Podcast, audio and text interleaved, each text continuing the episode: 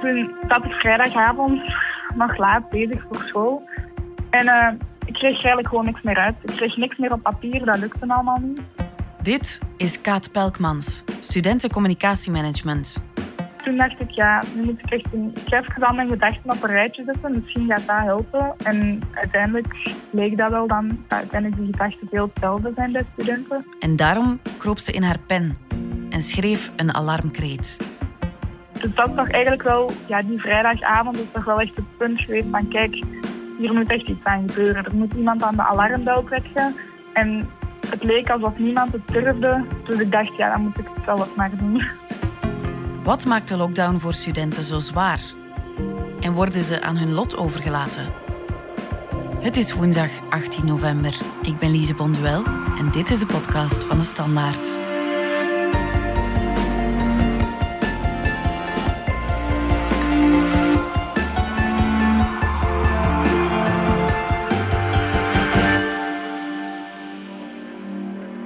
Ik vind het heel belangrijk dat mensen weten dat het niet mijn bedoeling is om te zeggen van kijk, wij hebben het zwaarder dan al de rest. Want ik denk ook zeker dat dat niet waar is en dat we daar niet over kunnen oordelen.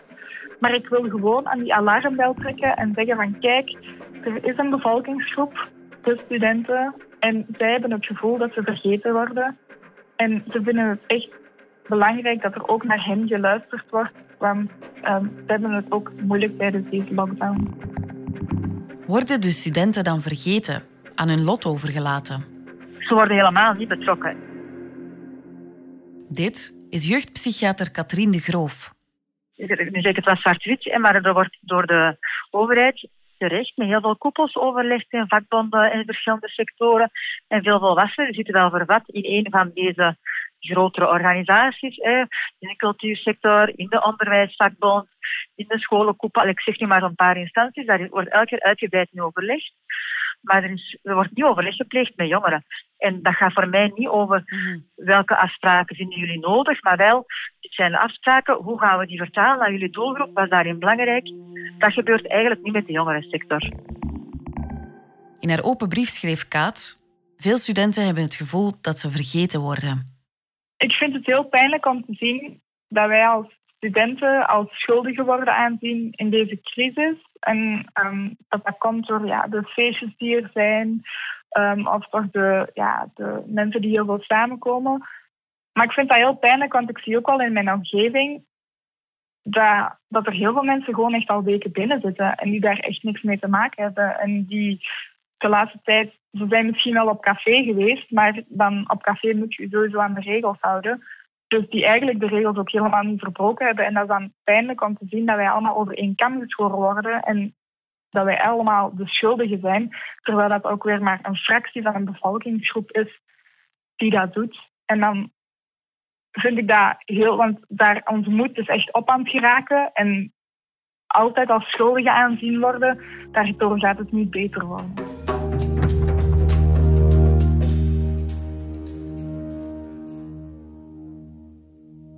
Is natuurlijk een lastige periode voor iedereen.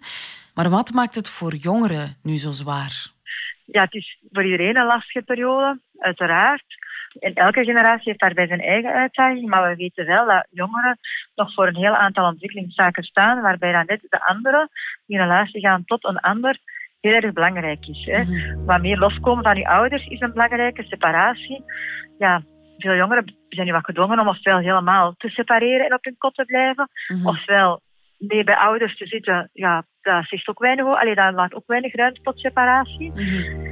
Voor je identiteitsontwikkeling en in het proces van individuatie is ja, de relatie tot leeftijdsgenoten heel erg belangrijk. Ja, je ontdekt wie dat je zei, wat dat je graag doet, door dingen te doen, door met anderen af te spreken. Mhm. En dat zijn allemaal zaken die nu met, met de lockdown wel heel erg uh, moeilijk zijn geworden. Hè. Dus, ik ga niet zeggen dat dat onmogelijk is, maar de ruimte of de, wat er kan is toch beperkt.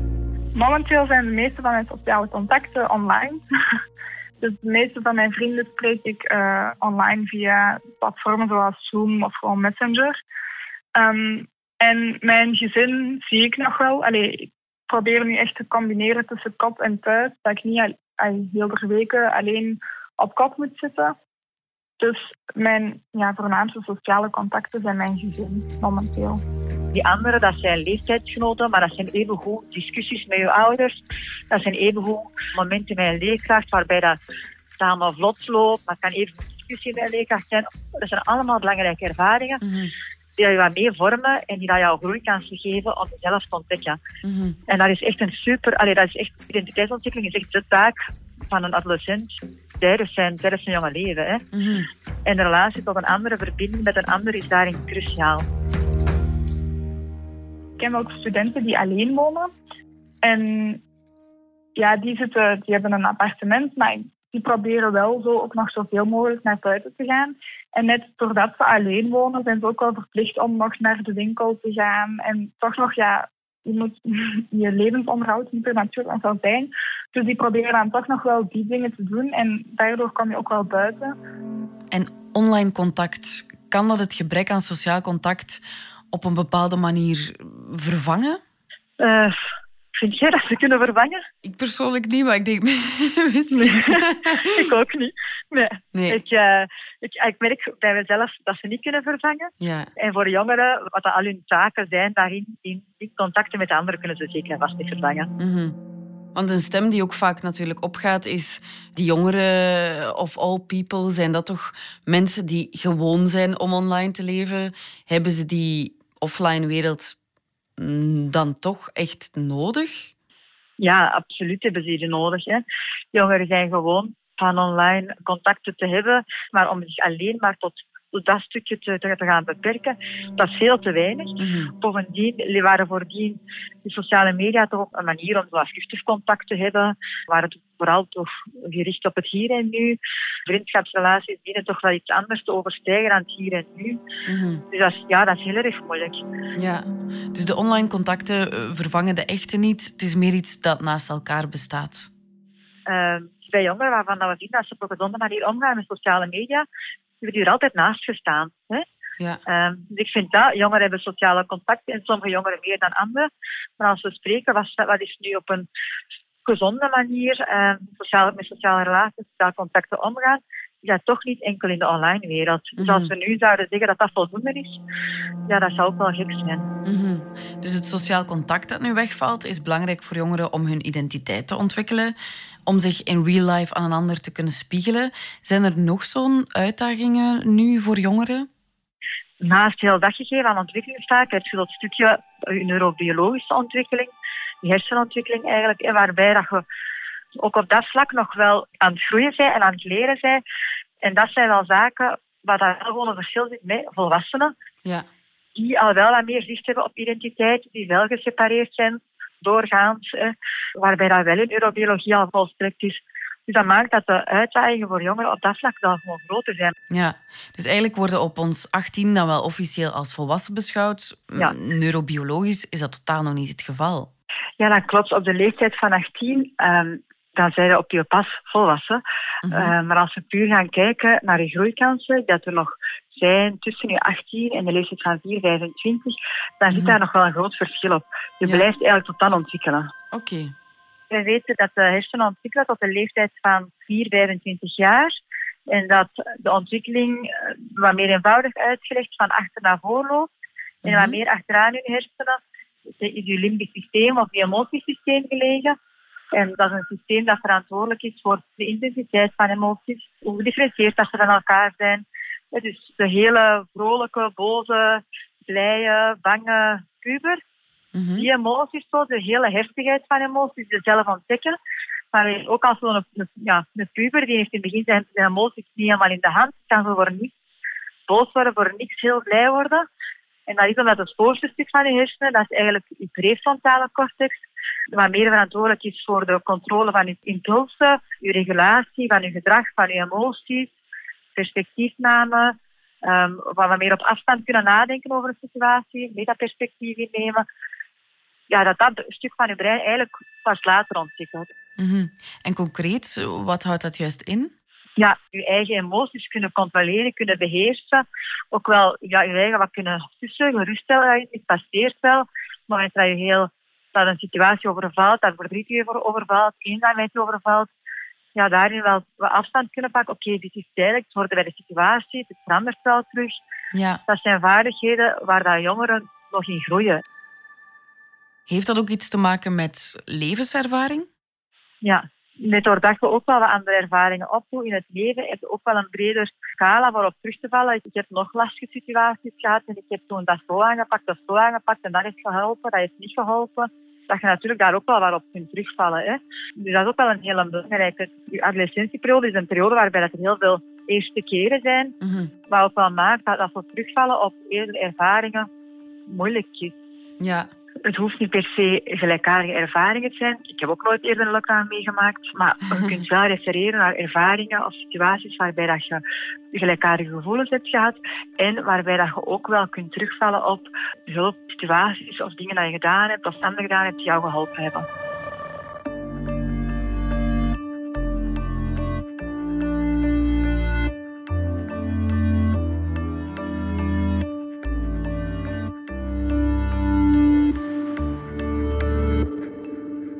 Hebben studenten op dit moment nog een uitlaatklep? Ja, een uitlaatklep. Veel van de zaken waar ze zo voordien op terugvielen, café gaan, eh, met vrienden afspreken, weggaan. Uh, dat, zijn, ja, dat zijn zaken die nu niet meer kunnen als je uh, naar de maatregels kijkt. Um, en andere zaken, nog wel, ook wel bij een leeftijd passen, gamen, series kijken, al die zaken, ja, die kunnen nog wel. Maar ik, ik hoor ook wel van heel veel jongeren, als ze acht uur aan een stuk zitten te gamen of, of series kijken, ja, dat die ook wel gewoon beu zijn. En, en al gelukt dat ze dat beu zijn, hè, dat, dat is alleen maar goed. Dus kijk gezond, dat dat, dat aangeeft dat onvoldoende is. Wat dat we nu zeggen, je kunt gaan wandelen, je kunt gaan lopen, je kunt gaan fietsen. Maar dat zijn allemaal zaken die voordien niet bij jongeren in uitlaatklippen tot drie stond, denk ik. Hè. Mm -hmm. Dus we, vragen wel, en dat vragen we van iedereen, hè, maar we vragen wel een hele grote switch in uw kopingsvaardigheden, manier om met moeilijke situaties om te gaan. Want dit is een moeilijke situatie, jongeren staan onder druk, hun ontwikkeling staat onder druk. Hè. Dus het is belangrijk dat je, op je, dat je eigenlijk wel op je manieren dat je geleerd hebt hè, om met moeilijke situaties kunt omgaan, dat je daarop kunt terugvallen, maar op? Mm -hmm die manieren zijn veranderd. Hè? Want veel van de dingen dat er voordien gebeurden, dat kunnen niet meer zo goed. Hè? Mm-hmm. Ik heb het geluk dat ik uh, in een heel landelijke gemeente woon, waar daar heel veel uh, vrije ruimte is waar ik kan gaan wandelen. En we hebben thuis ook een boerderij, dus daar kan altijd wel een, uh, een handje geholpen worden. En ik weet ook zelf dat ik daar heel veel geluk mee heb, um, dat ik niet op het platteland woon. En ik denk dat dat inderdaad wel moeilijker is als je echt in een stad woont. Hoewel ik ook wel denk dat er in steden ook wel veel parken zijn om heen te gaan. Of, of toch nog ja, meer cultuur. Um, nu tijdens de lockdown is dat natuurlijk moeilijk. Maar ik denk toen dat er een beetje versoepelingen waren. Dat je toch naar cultuur, naar musea kon gaan. Dat lijkt mij dan het voordeel van een stad. Dus momenteel is dat... Ik ga heel veel ja, wandelen als ik vrije tijd heb. En ja, ik probeer toch buiten te komen. Want dus, uh, anders is het heel makkelijk om toch een hele dag binnen te blijven. Mm -hmm. Is er iets wat de toestand voor studenten momenteel zou kunnen verbeteren? Goh, ik zou het al heel fijn vinden dat ze gewoon eens vragen hoe het gaat. Ik heb het gevoel dat wij dat aan, als medestudenten, dat wij dat studenten onder elkaar wel heel veel doen. Maar ik denk dat het een hele opluchting zou zijn als mensen van buitenaf, mensen die op zich niets te maken hebben met studenten, ook gewoon eens vragen van kijk, gaat het met u en hoe gaat het? Um, want dan hebben studenten misschien toch het gevoel dat ze erkenning hebben en dat mensen toch hebben van oké, ze, zitten wel met ons in. En ik denk dat dat al een grote stap vooruit zou zijn. Ik vind een lichtpuntje wel dat iedereen wel belang voelt, want perspectief is belangrijk en we moeten nu wel wel aangeven of beginnen nadenken over hoe lang denken we dat dit nog nodig is. Mm-hmm. Ik denk dat het belangrijk is hoe lang dat ook is. Voor, ja, dat is mogelijk nog lang, maar dat wel helder communiceren lijkt me heel erg belangrijk naar de jongeren toe en naar iedereen toe. Een perspectief hebben.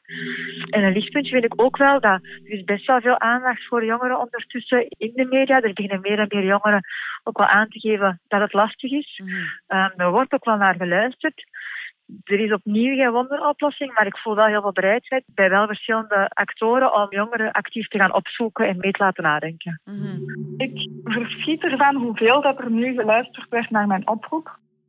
Um, en ik denk dat studenten tijdens deze lockdown en tijdens de vorige lockdown eigenlijk wel een beetje vergeten zijn. Want het gaat vaak wel over de jeugd en over jongeren. Maar puntje bij paaltje gaat het dan vaker over de middelbare scholen en hoe daar alles geregeld moet worden. Maar wordt er eigenlijk niet zoveel gezegd over hogescholen en universiteiten. En ik denk dat we op dat vlak zeker wel vergeten zijn. Dat we ook wat meer duidelijkheid willen over wat er uh, gaat komen. En ik denk dat het gewoon belangrijk is dat wij als studenten ook erkend worden en dat ons probleem ook erkend wordt. Ja, en hoe kunnen we voor meer erkenning zorgen, studenten meer in dat debat betrekken? Ja, dat is heel erg een vraag aan beleid om te stellen en eigenlijk aan alle instanties die daar doorgaans met jongeren werken. Mhm. Op dit moment, uh, organisaties of, instanties die nog open zijn, dat zijn gemeenten, scholen, hogescholen, universiteiten, die nu op dit moment ook nog met jongeren werken. Het is heel erg belangrijk dat jongeren de kans krijgen om samen met hen na te denken over wat is er nodig? Mm. Hoe kunnen we jullie nou meer betrekken bij, bij hetgene wat we nu aan het doen zijn? En dat, dat, dat eigenlijk spreekt van, goh, wij zijn ook maar gewoon een lerende organisatie. Die proberen bij te leren en, en de weg te zoeken in deze nieuwe, andere situatie. Mm. Het is niet ideaal voor ons, absoluut niet ideaal voor jullie. Hoe gaan we samen een antwoord opzoeken? Ja. We hebben al een aantal weken achter de rug. Wat helpend? Wat was helpend voor jullie? Waar moeten we bijsturen? Hoe sturen we het bij? Door op dat niveau te spreken gaan jongeren, uh, ja, geeft de jongeren de kans om te, om te participeren. Ja. Um, wat heel erg in die participatie, dat gaat heel erg een gevoel van autonomie versterken. Ja. En anderzijds, ook op hoger niveau, is ook heel erg belangrijk om eigenlijk met dezelfde vraag naar de bestaande instanties te gaan, de bestaande organisaties, bij jongerenverenigingen te gaan, om te kijken hoe dat jongeren ook kunnen participeren. En heb je tips, Kaat, voor jongeren die momenteel door deze moeilijke periode gaan? Um, de tips die ik zou kunnen meegeven zijn vooral geef de moed niet op. Ik weet dat het soms moeilijk is. En als er iets is, probeer dan toch ja, te bellen of toch eens een keer af te spreken met iemand, dat je er toch echt over kan praten. En vooral de reacties van andere mensen over het feit van dat we niet zouden mogen klagen, die proberen te negeren. Want er zijn uiteindelijk altijd veel meer mensen die je wel begrijpen en ehm, die wel weten wat je voelt en waar je mee zit. En het is echt gewoon belangrijk om daarover te blijven praten. Mhm. En jij, Katrien, zijn er dingen die jij zou aanbevelen? Ja, heel erg van blijven spreken met elkaar. En ik denk, bij elkaar is, is enerzijds een belangrijke, maar daarnaast ook wel, trek het open. Hè. Trek het open naar volwassenen die, die dat dicht bij jullie staan. Niet zozeer dat die dan onmiddellijk de wonderoplossing zouden hebben, maar wel mee kunnen voelen wat de last is. Hè. Mhm. En dat kan elke volwassene zijn. Dat kan uw leerkracht zijn, dat kan uw tennisinstructeur zijn, dat je sinds de lockdown niet meer hoort, maar dat je anders wel een goed contact mee hebt. Mm -hmm. Heel erg gaan verbreden. Zoek actief die verbinding op op de manier dat het wel nog wel lukt. Mhm. Mhm. En ik denk blijven aangeven aan hogere instanties, gebruik ons. Zet ons mee in in het nadenken. Wij hebben ook misschien ideeën wat dat we nodig hebben. Het is als maatschappij heel erg belangrijk dat wij de jongeren als partner betrekken. En absoluut niet met de vinger wijzen en mee als deel van de oplossing zien. En hen inclusief maken en niet exclusief. Dit was de podcast van de Standaard. Bedankt voor het luisteren. Wil je reageren? Dat kan via podcast.standaard.be. Alle credits vind je op standaard.be-podcast. Morgen zijn we er opnieuw.